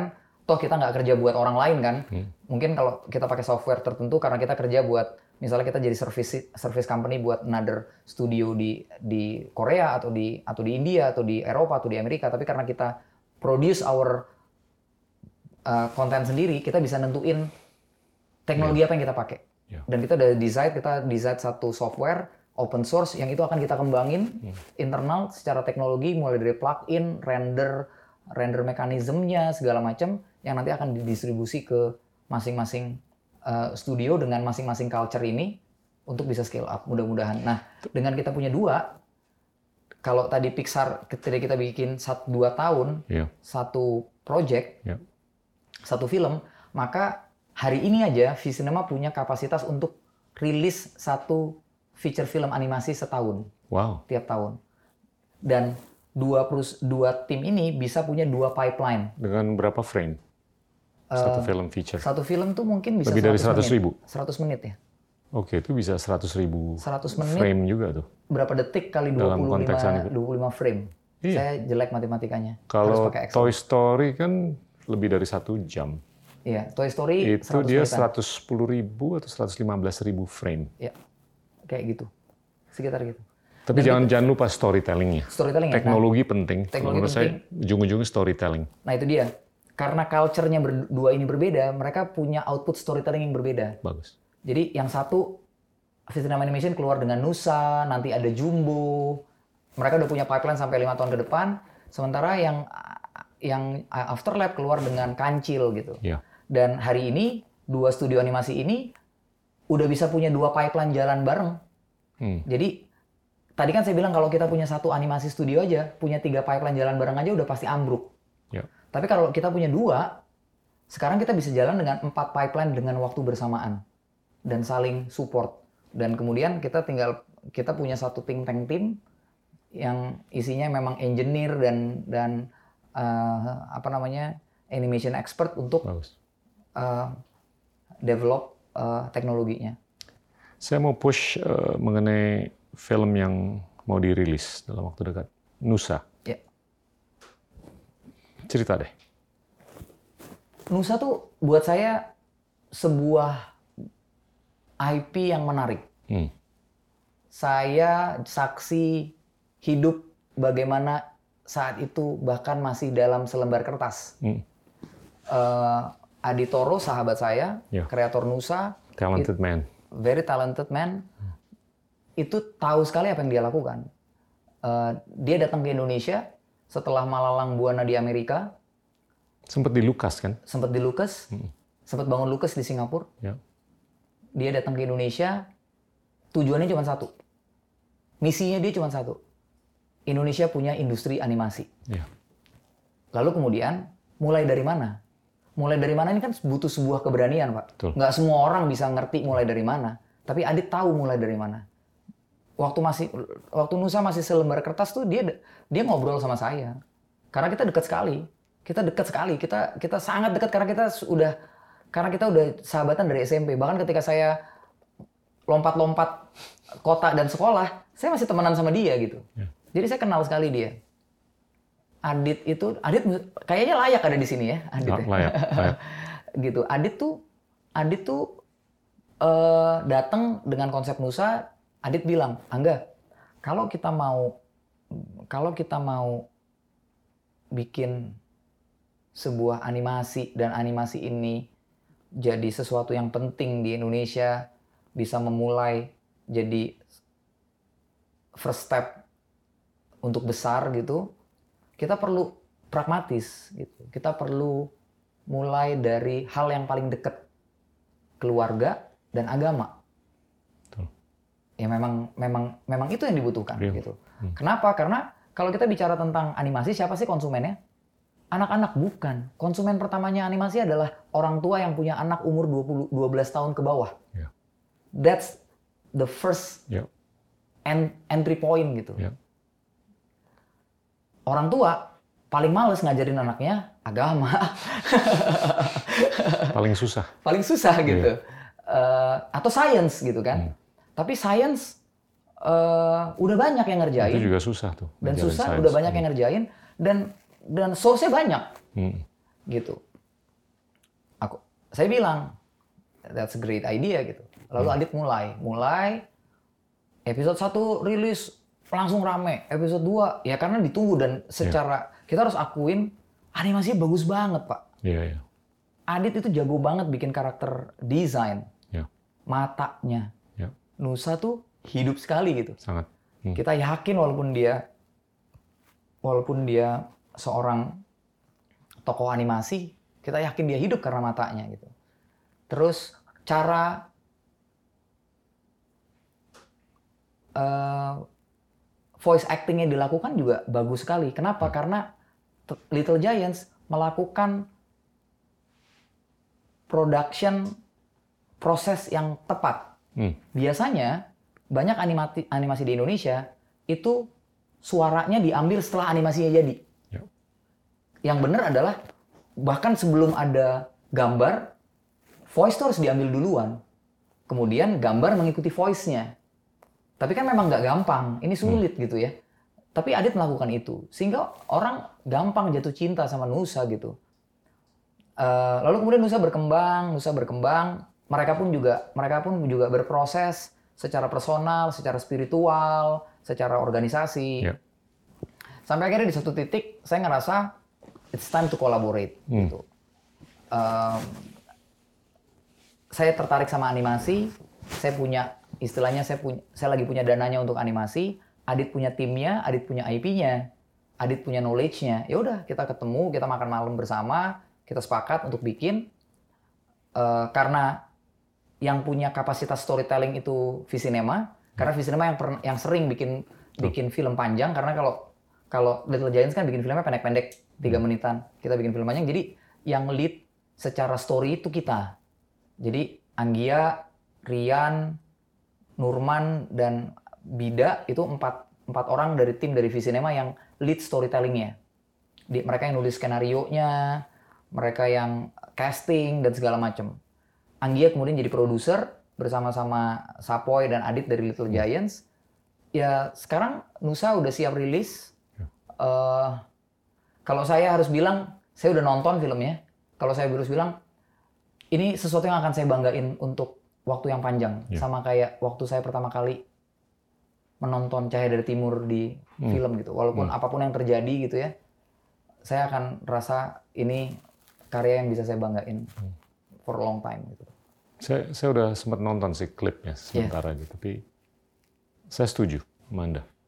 Ini ini sangat membanggakan karena ini mencerminkan gimana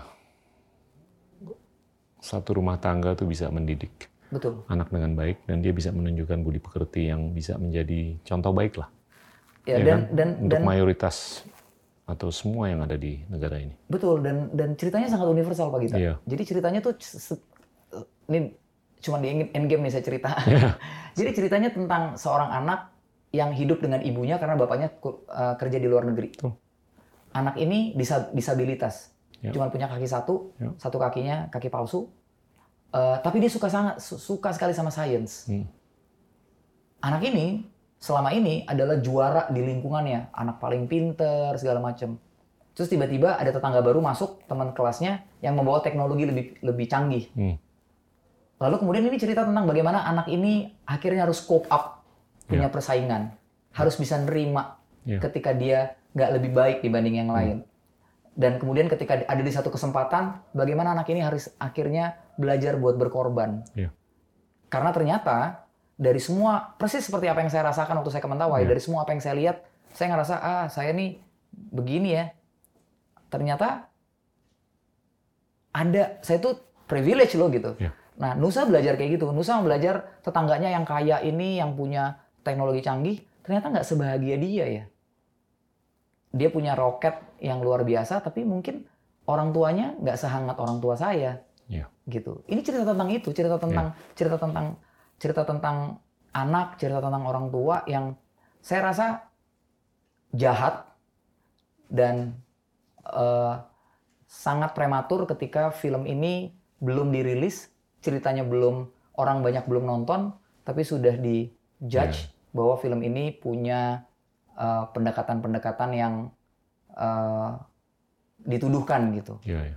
Itu sih saya saya sangat saya sangat saya sangat kecewa dan sangat em, apa namanya menyayangkan walaupun eh, saya jadi sutradara udah 15 tahun Pak. Saya saya mimpin Visinema udah udah let's say 13 tahun. Hmm. Saya siap mempertanggungjawabkan Nusa in Iya. any capacity. Saya juga siap. Ya, di semua forum saya siap bahwa ini murni buatannya Little Giants dan Visinema Iya. tanpa ada intervensi dari siapa pun. Bahkan ketika kita nanti nonton video klipnya atau Hmm. denger lagu soundtracknya, kita bahkan menyebut semesta Hmm. sebagai gambaran dari eh, kekuatan yang lebih besar dibanding Ya. manusia gitu.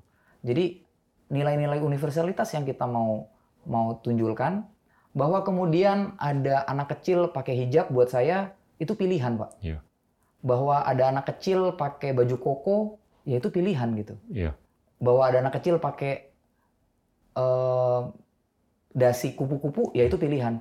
Kalau ada pertanyaan kok anak kecil pakai hijab sama pakai eh, baju koko walaupun Hmm. sambil tidur, ya namanya juga animasi. Iya. Kalau gantinya baju gantinya ganti baju tiap hari, pusing banget rendernya. Gila kan gitu kan maksudnya eh, janganlah Iya. kebodohan ini diumbar-umbar gitu. Iya. Tapi kenapa misalnya dia lihat di kalau dia lihat di di mana namanya? di trailer anak yang satu lagi pakai dasi kupu-kupu sambil tidur kok nggak marah-marah? Iya. Emang ada anak-anak ada manusia uh, pakai dasi kupu-kupu sambil tidur? Kan enggak. Iya. Tapi kan mereka nggak mau lihat itu. Mereka mereka cenderung menjudgment ke identitasnya gitu. Iya. Eh, dan yang paling lucu, yang paling saya sayangkan adalah orang-orang yang menjudge soal identitas ini orang-orang yang yang menggunakan tameng keberagaman.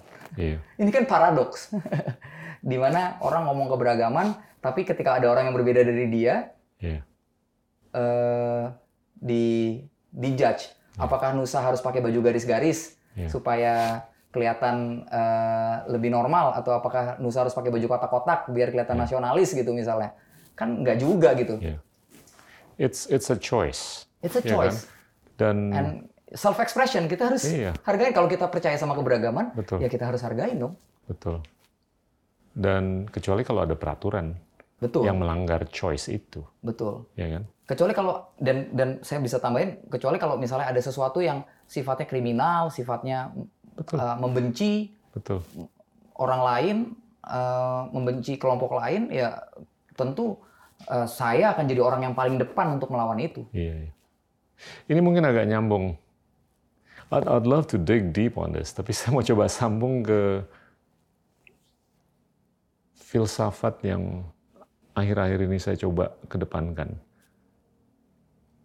Kita tuh pipa informasi dan komunikasi itu sangat banyak kan, Ya betul. tapi nggak tahu gimana tuh nggak nyambung dengan demokratisasi ide, Iya kan?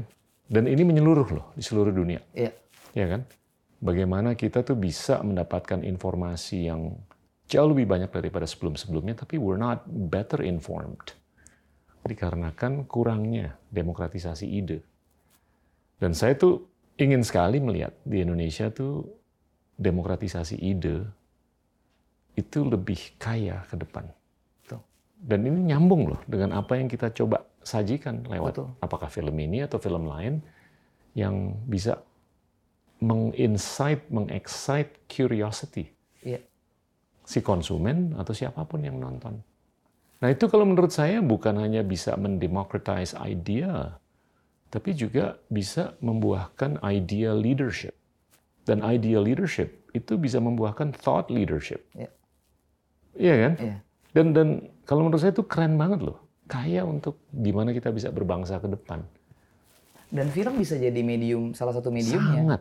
Karena karena gini, tentunya tentunya sangat disayangkan kalau kita hanya mau nonton film dan menonton apa yang kita setujui. Betul. Padahal lewat film kita bisa traveling without moving. Kita traveling dalam nggak dalam konteks travel ke tempat lain, tapi ke Iya. pem- pemikiran orang lain, Iya. ke cerita orang lain. Saya malah melihat film tuh sebagai perjalanan spiritual, Pak. Jadi Betul. banyak sekali kayak misalnya saya nonton The Life of David Gale misalnya. Iya. Wah itu kan terganggunya dua hari gitu ya Iya. maksudnya. nggak pernah kebayang punya hidup kayak gitu tapi dengan kita nonton dan kita bisa bisa menerima cerita itu kita belajar tentang apa Iya. yang di struggle oleh David Gale dan teman-temannya Iya. oleh itu kan itu kan sebenarnya itu sebuah privilege ketika kita bisa nonton dan kita bisa melihat sesuatu yang berbeda Hmm. Eh, dan dan buat saya challenge-nya sekarang seberapa besar sih kita mau ada dalam perbedaan pendapat Iya. kita mau ada dalam eh, apa namanya hal-hal yang sifatnya men-challenge apa yang udah jadi status quo, Iya. nge-challenge lagi apa yang udah yang sekarang adalah establishment misalnya. Iya. Kalau kalau menurut saya tuh ideal untuk kita tuh bisa mencapai titik di mana siapa pun di dunia ini bisa melihat apa pun Iya. tanpa prejudis. Betul. Iya kan? The ability to not be prejudicial itu menurut saya kaya sekali. Iya kan? Dan kalau kita bisa menggeser, menghilangkan prejudis terhadap apa pun lah, mau ideologi, konsep, filosofi atau apa pun, itu baseline yang kaya. Nah dari situ kita bisa lompat untuk melakukan critical thinking yang bisa memajukan bangsa. Nah itu kalau menurut saya kita harus bisa lebih mendemocratize idea. Agar proses belajar kita dan dan ini bisa disambung juga dengan metrik-metrik yang sudah nyata mengukur kita di mana secara sains, secara komunikasi, secara apa pun lah bahwa kita tuh ya masih harus lebih banyak belajar Betul. dibanding negara-negara lain. Iya. Iya kan? Ya nggak usah sebut negara lah. Tapi oke lah, enough about this. Tapi saya mau maju ke depan nih. Ini agak mengenai bisnis. Kalau kita lihat content creator, content provider, ini kan semakin lama semakin telah terjadi konsolidasi kan. Ya. Sekarang kan kita ngelihat Disney yang udah nyaplok, Marvel kayak Lucas, kayak Fox Pixar, Fox dan lain-lain. Terus di sini ada Apple, di sini ada Amazon, di sini ada namanya Warner, yang baru aja merge dengan AT&T. Iya. Dia bukan hanya ngontrol konten, tapi dia ngontrol pipanya. Hmm. Sedangkan Disney nggak punya pipanya. Sedangkan Apple sudah punya pipanya. Handphone yang dipakai orang. Ini ujung-ujungnya gimana nih? Kulminasi dari konsolidasi yang sudah terjadi dalam dunia media, terus nanti dampak ke Indonesia-nya gimana? Kalau saya ngelihatnya eh, bakalan mengerucut, Iya. pasti bakalan mengerucut. Karena bayangin aja kalau kita harus subscribe 6 8 platform apa sanggup gitu. Betul. Maksudnya bukan cuma soal sanggup bayarnya, Iya. apakah sanggup juga pindah-pindahnya. Iya. Eh, itu yang kemudian kan terjadi dengan Disney ke ke Fox gitu ya. Em, karena dicoba di agregator juga ter- belum tentu Iya. ada beberapa agregator yang lagi yang yang, yang lagi mencoba kan pak. Iya. Eh, ya salah satunya misalnya Mola, Hmm. eh, kalau di Jepang ada Roku gitu kan. Iya. Eh, tapi pada akhirnya akan consolidate untuk untuk untuk tapi saya nggak yakin duopoli juga misalnya karena Iya.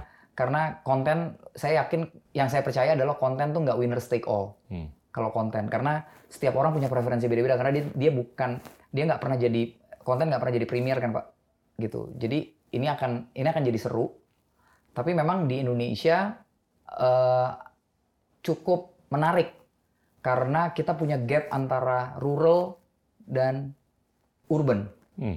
terhadap perceiving konten gitu ya. Ya. Eh, apa namanya? Bukan ngomongin kelas, tapi memang tapi memang kalau misalnya di urban karena mereka lebih dekat dengan bioskop, eh, apa namanya? eh, interaksi antar satu sama lain lebih cepat gitu Hmm. kan, sehingga mungkin eh, konten-kontennya bisa mungkin lebih diterima konten dari internasional gitu. Ya. karena karena balik lagi kalau kita bicara tentang bicara tentang eh, beda antara musik dan audiovisual pak. Kalau musik mungkin hari ini saya yang suka K-pop saya bisa aja eh, menikmati K-pop walaupun saya nggak nggak tahu persis apa yang dibicarakan di, di itunya Karena mus- karena di musik kita bisa kita juga nggak cuma berinteraksi sama lirik, kita berinteraksi sama beat, kita berinteraksi sama irama, melodi dan segala macam kan Pak. Tapi kalau di film audiovisual kita kan berinteraksi benar-benar sama story yang ada di gambar. Kita nggak mungkin kita nggak tahu storynya. Walaupun memang konten-konten seperti atau film-film seperti action atau horror lebih gampang travel karena kayak musik dia nggak cuma mengandalkan cerita tapi juga ada experience lain. Tapi most of most of the time audiovisual tuh akan selalu identik dengan dengan storytelling gitu. Nah, Indonesia itu jadi peluang sebenarnya di mana local content itu masih bisa punya tempat yang luar biasa besar Setuju. gitu karena bioskop sendiri di Indonesia sebarannya belum banyak. Betul. Sampai hari ini baru ada 2000 lebih layar gitu. Ya. Untuk 270 juta orang. Hmm. Nah, saya yakin banget lebih dari 50% orang Indonesia itu bahkan nggak terbiasa nonton film Indonesia. Ya. Masih belum terbiasa. Kenapa saya bisa bicara kayak gini? Kalau saya ngalamin keluarga Cemara dan NKCTHI contohnya. Begitu film udah lepas dari satu setengah juta penonton, Pak, kita akan ketemu sama penonton-penonton yang baru pertama kali ke bioskop. Wow. Kalau udah lepas satu setengah juta, Hmm. kita akan ketemu sama penonton-penonton yang ngomong bisa ngomong gini, oh saya udah 20 tahun gak nonton film Indonesia gitu. Ternyata kayak gini ya gitu. Jadi masih banyak banget room to growth-nya it's very Wow. very big. Sangat nascent. Betul. Iya. Jadi istilahnya kalau saya selalu bilang gini, kalau kita mau incer penonton Indonesia yang avid nonton film Indonesia, itu mungkin kita ketemu sampai 300 500 ribu penonton. Iya. Kalau kita mau ketemu sama penonton bioskop yang juga nonton film Hollywood, kita bisa tap in ke penonton yang lebih prefer nonton film Hollywood dibanding nonton film Indonesia, kita bisa dapat tuh satu juta sampai satu setengah juta. Itu kita ketemu sama orang-orang yang kalau dalam satu tahun mereka nonton 10 film, mereka nonton 7 film Hollywood, 3 film Indonesia. Hmm. Nah di tu- satu setengah juta kita ketemu tuh sama penonton-penonton itu. Iya. Yang akan bilang, yang akan bereaksi, wah film Indonesia kerennya udah kayak film Hollywood gitu. Iya. Karena dia nontonnya biasa nonton film Hollywood. Tapi yang 300-500 ribu akan bilang, wah eh, Rachel Amanda, Ardito gitu. Bahasanya, bahasanya mereka, karena mereka kenal sekali sama Iya, iya. sama pemainnya, mereka kenal sekali sama hidupnya. Itu cuma 300-500 ribu orang. Hmm. Di atas satu setengah juta, itu udah ketemu sama eh, orang-orang yang jarang sebenarnya ke bioskop. Hmm. Gitu. Dan dan ini bukan kabar buruk. Ini kabar baik Yeah, damn good.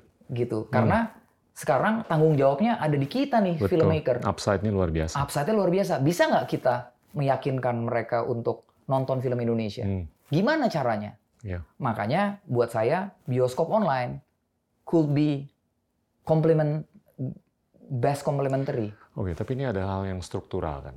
Ya. Ini masih banyak di pelosok-pelosok Ya. yang konektivitasnya ini masih Exactly. terbatas. Kan? Betul. Nah itu bakal lama tuh Ya, sebelum itu bisa terobati. betul. Gimana tuh? Ya mungkin agak elitis untuk sementara Iya. di tempat-tempat yang konektivitasnya lebih. Makanya biasanya kita Berkenan. kita punya kita suka ditanya sama yang sama penonton kita yang di urban gitu ya. Iya. Penonton bioskop online, kenapa nggak bikin 2K sih? Kenapa nggak bikin 4K gitu? Iya. Kenapa masih HD? Iya. Dan format pak di bioskop online kita formatnya nggak panjang, Hmm. nggak kayak film bioskop 90 menit 100 menit. Iya. Format kita 45 sampai 60 menit gitu. Kenapa? Karena supaya lebih accessible buat mereka yang mungkin punya kuota terbatas, punya koneksi terbatas gitu. Hmm. Walaupun sampai kita akan terus eh, implementasi progres gitu di, Ya. di bioskop online, tapi idenya bioskop online adalah sebenarnya untuk bisa bikin differentiate. Nih yang gede-gede ini akan konsolidasi Iya. karena bisnis modelnya sama, kontennya sama, mereka berbagi konten yang sama kan sebenarnya Hmm. kan. Kayak misalnya yang satu dapat Steven Spielberg, yang satu dapat George Lucas, eh, yang satu dapat James Cameron, Ya. yang satu dapat Christopher Nolan. Ya sama-sama lah gitu Ya. maksudnya. Eh, tapi eh, di bioskop online kita malah engage ke banyak sekali filmmaker yang ada di luar radar industri juga Iya. film-filmmaker indie di daerah yang mereka bisa berkarya di di bioskop online dan eh, apa namanya dengan kita bisa penetrate ke penonton yang jarang nonton film Indonesia Hmm. ini akan membantu jadi push factor untuk mereka akhirnya kalau nanti tuh tiba-tiba ada bioskop di tempatnya mereka, Iya. dia akan masuk ke bioskop karena experience-nya akan akan Beda. akan beda kok. Beda. Jadi ya mudah-mudahan uh, bioskop online bisa jadi bisa jadi bisa punya peran itu di di ekosistem industri. Tapi apakah sekarang bioskop online itu udah bisa disajikan di tempat-tempat yang hanya ada 2G atau 3G? Kalau kalau 3G sepertinya masih bisa ya, karena Masih bisa? karena uh, film kita nggak berat, Oke, karena kita delivernya juga HD, oke, malah bisa pilih SD oke. gitu, bisa pilih SD karena ya uh, misalnya kenapa sih nggak nggak 2K gitu kan sayang syutingnya udah susah-susah. Ini kan bukan tentang syuting aja, ini tentang konsumsi kan. Iya, Dan kita mau dan misi kita adalah bikin film, bikin bioskop online. Jadi pintu masuk ke banyak orang di Indonesia yang belum familiar dengan film, belum familiar dengan film Indonesia, untuk kenal sama cerita-cerita ini, untuk kenal sama film Indonesia gitu. Mudah-mudahan. Satu nama yang saya belum sebut adalah Netflix. Ya. Saya curious saja, kalau Netflix dibandingkan dengan giant-giant yang tadi, itu gimana ke depan? Landscape-nya bakal kayak gimana sih? Prediksi Anda gimana? Netflix akan semakin jaya atau akan semakin sulit? Bicara numbers, Hmm. buat saya pastinya teman-teman Netflix di LA juga lagi deg-degan karena subscriber Netflix dalam satu dekade itu mungkin bisa dikejar Disney dalam hanya beberapa tahun Ya. Disney Plus Eh, dan Netflix harus bangun katalog Ya. Sementara Netflix kan nggak punya eh, katalog IP yang library-nya se-routing Disney atau Warner. Yang paling besar HBO, Atau- library film. Betul. Dan IP untuk dia re- replicate, reboot, Hmm. ataupun spin-off itu Disney, Warner, Fox Ya, yang punya Pak, ya kan? ya HBO, Warner. HBO Hmm. ya Warner terus mungkin sekarang ada Lionsgate gitu ya. Hmm. Mungkin karena mereka adalah tradisional studionya di Amerika kan yang mereka produce mulai dari Betul. berapa pul- berapa dekade yang lalu dan Netflix kan istilahnya pemain baru walaupun secara secara platform bisnis model dia game changer gitu. Ya. Nah, sekarang titik di mana Netflix buat saya eh, melihat strategi kontennya mereka. Iya. Nah, yang menarik Pak Gita, selain terkonsolidasi, kalau kita lihat dunia streaming hari ini, streaming konten hari ini, semua perusahaan kon- streaming konten yang berangkat dari pendekatan teknologi udah hampir mati semua. Iya. Hook, Betul. iFlix. Iya. Karena mereka berangkat, mungkin sekarang yang bertahan View gitu. Karena mereka berangkat dari kapasitas teknologi. Iya. Mereka lihat teknologinya, mereka lihat bisa nih dilakukan dengan teknologi. Tapi sekarang yang berjaya adalah mereka yang mereka berangkat dari konten. Iya. Baru kemudian pasang teknologinya di konten. Storytelling. Storytelling. Sama kayak Netflix misalnya. Oh Netflix kan teknologi. Enggak, Netflix kan sebelum sebelum Netflix punya streaming platform mereka kan uh, Iya. orang-orang penggila film yang yang yang nyewa-nyewain DVD pakai Iya, iya. pakai mail kan. Ted San- Sarandos sama Reed Hastings tuh bener-bener Iya. ngelotok di konten. Nah ini yang menarik ngelihat bagaimana sebenarnya nanti ke depan sebenarnya kalau- kita lihat kan UX sama UI-nya kan mirip-mirip lah. Iya. Misalnya contohnya Amazon mungkin uh, UI-nya paling nggak asik gitu. Tapi Hmm. UX-nya dengan dia gabung dia ngelink ke IMDb mungkin paling lengkap gitu. Iya. UI-nya dia uh, uh, UX-nya dia sekarang gitu paling kita bisa lihat banyak database gitu karena Hmm. dia ngelink ke IMDb. Tapi bukan itu kan yang dicari penonton Hmm. kan. Tetap yang dicari penonton adalah konten strateginya. Nah, ini yang akan jadi menarik. Gimana Disney apakah Disney akan saturated dengan dengan dengan uh, tentpole tentpole-nya mereka yang terus Hmm. direplicate mau sampai kapan sih tentpole Iya. tentpole ini terus direplicate direplicate direplicate di spin off gitu saya kan juga ngerasain dengan bagaimana saya bikin filosofi kopi kita punya lima tahun planning dengan NKCTHI ada rasa deg-degan untuk tiba-tiba saturated gitu kan Iya. Eh, atau juga kayak Netflix mau bakar seberapa banyak lagi sih Betul. untuk akhirnya bisa punya strong eh, apa namanya slate atau pipeline of IP gitu. Kayak mereka mungkin punya IP yang keren kayak Queen's Gambit. Tapi Ya. apa Queen's Gambit bisa disequelin, apakah bisa diterusin itu kan juga Hmm. ini kan beneran konten strategi yang yang yang saya rasa sangat seru untuk ditonton, Hmm. untuk dipelajarin dan di, juga diimplementasiin di di, Ya. di, di strateginya Visinema sebenarnya. Wow, menarik. Ini kita udah ngobrol lama nih. Iya pak. Oke, di ujungnya nih ya, kita Iya. ngobrol mengenai masa depan Indonesia. Tapi saya mau coba bungkus dalam konteks apa yang kita baru aja bahas. Iya. Saya sangat percaya dan Anda juga udah mengkorporasi lah bahwasanya teknologi itu penguasaannya penting. Tapi ujung-ujungnya storytelling Iya. yang mendifferensiasikan perusahaan dan dalam konteks yang lebih besar pun juga udah kelihatan kan yang gede-gede itu yang menguasai teknologi belum tentu bisa Iya. sustain. Tapi ujung-ujungnya story-nya. Ini bicara Indonesia nih, ke 2045. Penting untuk Indonesia tuh bisa menjadi lebih scientific Iya. dan socially conscious dan technologically savvy. Kalau menurut Anda dari sisi Anda nih storytelling capabilities-nya Indonesia gimana ke depan? Supaya kita bisa menuju ke kulminasi yang kita inginkan di tahun 2045. Kalau historically gitu ya pak, Iya, kita tuh kan bangsa yang very advanced in storytelling. iya, Bahkan batik kita storytelling.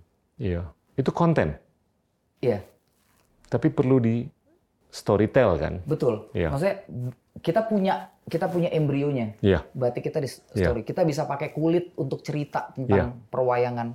oke.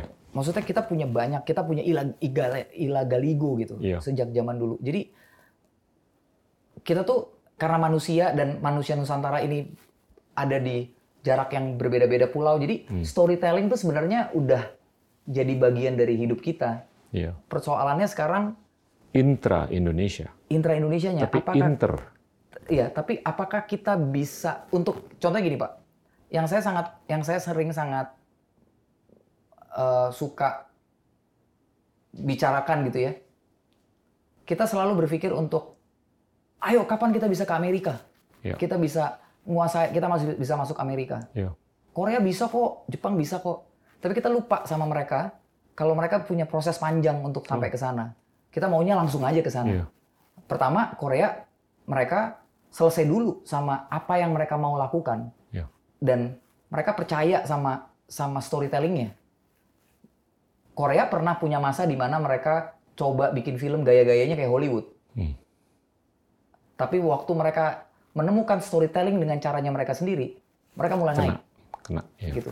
Jadi kita mesti cari dulu, maksudnya sebelum kita project ke internasional gitu ya, Iya. kita mesti selesai dulu. Sama, menurut saya kita mesti selesai, selesai dulu sama diri kita. Soul searching. Soul searching, kita tuh Iya. kayak apa sih?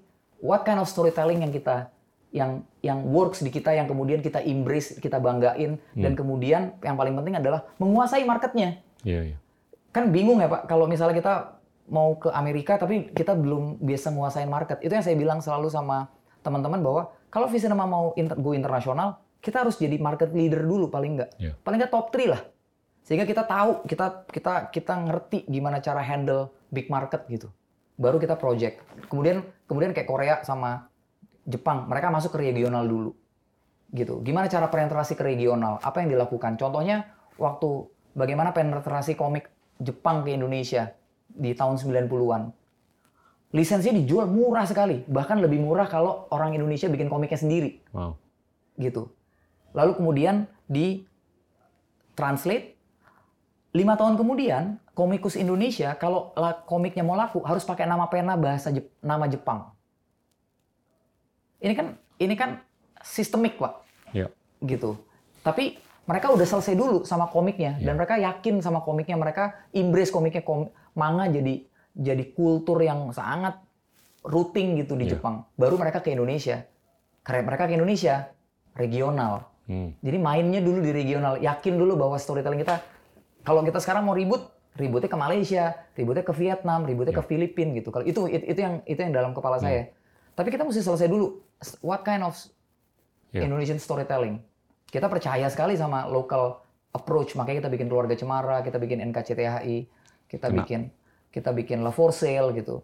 Eh, nah, berapa tahun setelah kita ini dalam konteks Visinema nih Pak ya? Ya. Mungkin eh, supaya saya ngomongnya nggak terlalu eh, sok tahu gitu ya. Tapi Yeah. kalau dalam konteks cinema kita selesai dulu nih dengan kita yakin this is this is our our um, um, shape gitu ya, bentuk kita. Lalu kemudian kita dalam dua tahun ke depan kita akan coba untuk masuk ke Malaysia. Kita udah mulai masuk ke Malaysia. Uh, kita bikin remake. Kita mau bikin remake filosofi kopi di Vietnam. Kita mau bikin remake uh, terlalu tampan di Kamboja. Kita mau bikin remake keluarga cemara di Malaysia. Mungkin di Filipina kita akan coba coba. Ini kan nunjukin bahwa oke storytelling kita nyam, masuk nih ke sana. Iya. Terus bagaimana ke- kemudian kita project uh, ke uh, internasional atau ke, atau ke yang lebih besar. Jadi saya sih ngerasa 2045 nggak nggak nggak lama, tapi kalau kita cepet, tapi kalau kita kalau kita nggak mau juga nggak mau juga one step at the time, Iya, iya. eh, Bisa kepleset. bisa kepleset. Tiba-tiba istilahnya langsung naik empat empat lantai, Iya, bikin apa gitu yang yang Iya. ini basisnya nggak ada, fondasinya nggak ada. Jadi buat saya eh, kita punya kulturnya, Hmm. tapi kita perlu cari model model yang kira-kira cukup universal untuk bisa diletakkan di peta dunia. Iya. Kasarnya Korea Selatan nggak datang dengan nggak datang ke Amerika dengan eh, tarian tradisionalnya. Betul, Dia datang dengan Gangnam Style, dengan BTS gitu. betul. Kita apa gitu? Kita apa nih yang kira-kira locally relevant dan eh, universally eh, diterima gitu. Iya. Itu sih yang perlu, yang menurut saya eh, kita harus sadar, kita, kita- kita perlu sadar untuk bisa membangun kapasitasnya kita dulu. Jangan Iya. eh, kayak contohnya eh, kita udah mulai Visinema tuh udah mulai keluar dari referensi-referensi referensi-referensi eh, luar negeri gitu Iya. gitu ya udah kita ki- kita bisa kita bisa inspire eh, terinspirasi dari Hmm. filmnya Christopher Nolan misalnya Iya. Tapi gimana cerita itu bisa kita kita bisa pakai kon- kita bisa pakai kita bisa inspirasi itu kita bisa pakai secara lokal dan kemudian membentuk lagi eh, cara bercerita kita sendiri Saya percaya bahwa kita tuh kontennya udah kaya. Ya. Tapi saya masih percaya juga bahwa kita perlu memperbaiki Storytelling. storytelling capabilities. Exactly.